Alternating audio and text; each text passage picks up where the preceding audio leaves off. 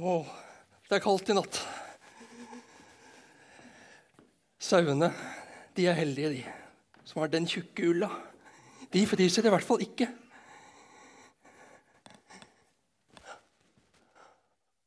Hva for noe? En engel?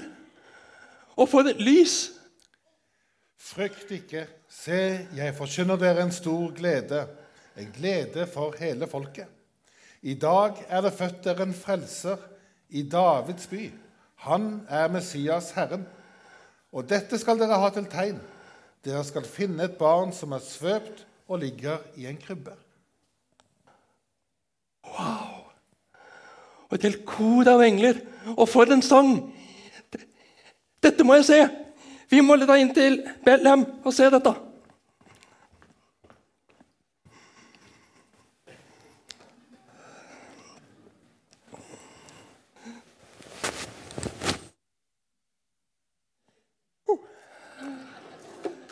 Det var ikke så kaldt, egentlig.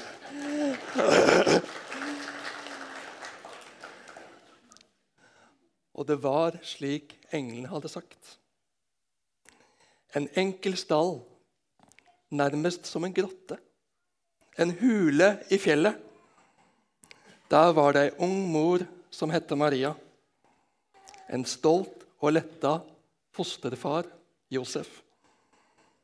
Og en liten baby. Svøpt, pakket inn i tøystrimler.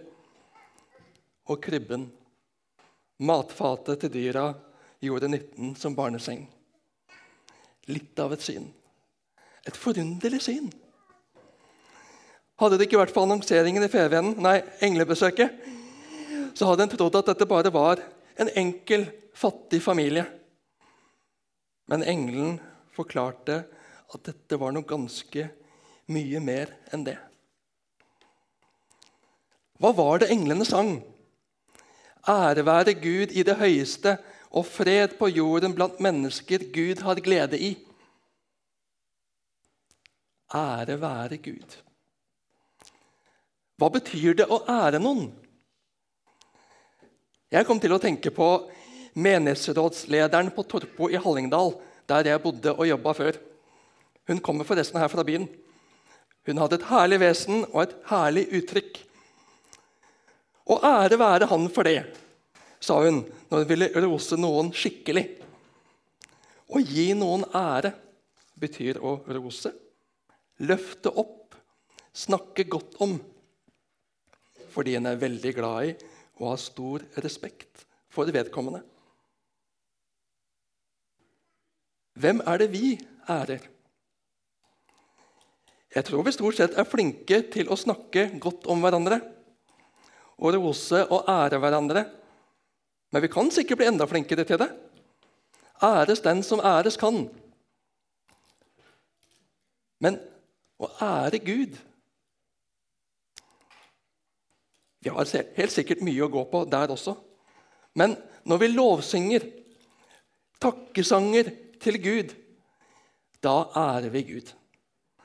Og enda mer når vi bruker tid sammen med ham i bibel og bønn, gudstjenester og smågrupper. Og enda mer når vi lever ut i vår praktiske hverdag hans bud og veiledning som, oss, som han har gitt oss i sitt ord om hvordan vi skal leve. Bruke de gaver vi har fått. Da ærer vi Gud. Når barna takknemlig bruker de gaver de har fått av far, snakker vel om hverandre og hjelper hverandre, da blir far glad og stolt. Da ærer vi Gud, vår far. Ære være Gud i det høyeste og fred på jorden blant mennesker Gud har glede i. Det er som det strømmer over hos englene. De jubler, de utbasunerer Guds storhet, Gud i himlene. Han som bor der oppe, men også ser oss her nede. Han har ikke forlatt oss. Han har ikke glemt oss. Nå kommer han selv ned i form av et lite barn, og han kommer med fred. Ja vel. Nå er det om lag 2000 år siden at Jesus ble født. Og det er stadig kriger på jorda. Noen kriger til og med i Guds navn. Hvor blir det av denne freden? Hadde Gud gjort kirurgiske inngrep i hvert enkelt menneske og operert ut egenviljen vår, så faktisk vil det som er vondt og dumt, rett som det er, da kunne det blitt også politisk fred. Men Gud respekterer vår vilje. Og han har gitt oss tida her på jorda til å velge. Men likevel Gud kom med en fred. Jesus kom med en fred som overgår alt vi kan fatte og begripe. En fred som ikke var tilgjengelig uten ham. En fred med Gud. Jesus kom for å gi oss fred med Gud. En soning for synden, så vi kan være sammen med Gud.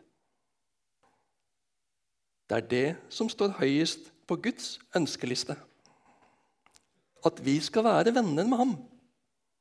Ta imot Jesus som Herre og Frelser i våre liv. Følge ham, tro ham, leve med ham der har vi en forunderlig fred. Selv når ting kan storme rundt oss i dette jordelivet.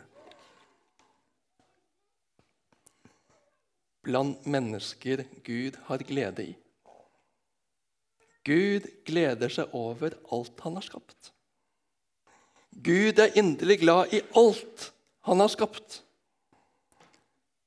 Samtidig sørger Gud når mennesker snur ham og hverandre ryggen.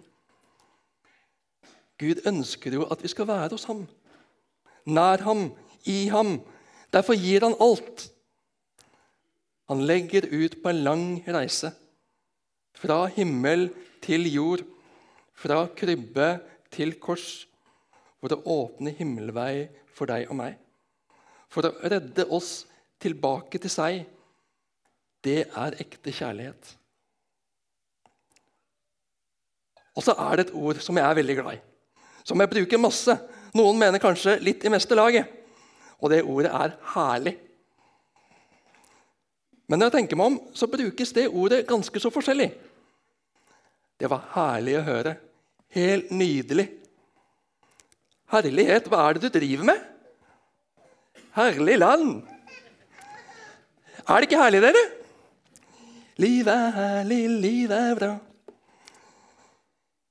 Det som virkelig gjorde inntrykk på gjeterne, var Herrens herlighet.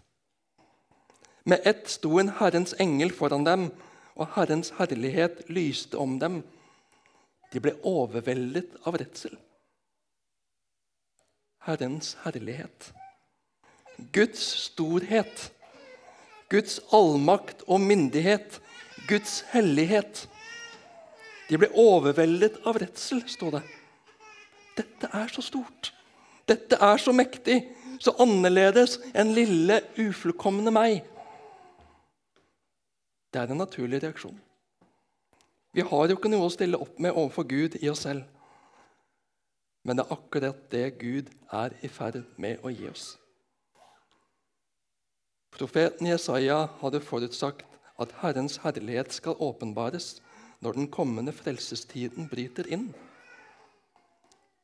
Herrens herlighet lyste om dem. Nå skjer det. Frykt ikke. Se, jeg forkynner dere en stor glede, en glede for hele folket. I dag er det født dere en frelser. I Jesus har vi noe å møte Gud med. I Jesus har vi liv i og med Gud. Det er herlig, det. Den beste gaven. Det er bare å glede seg.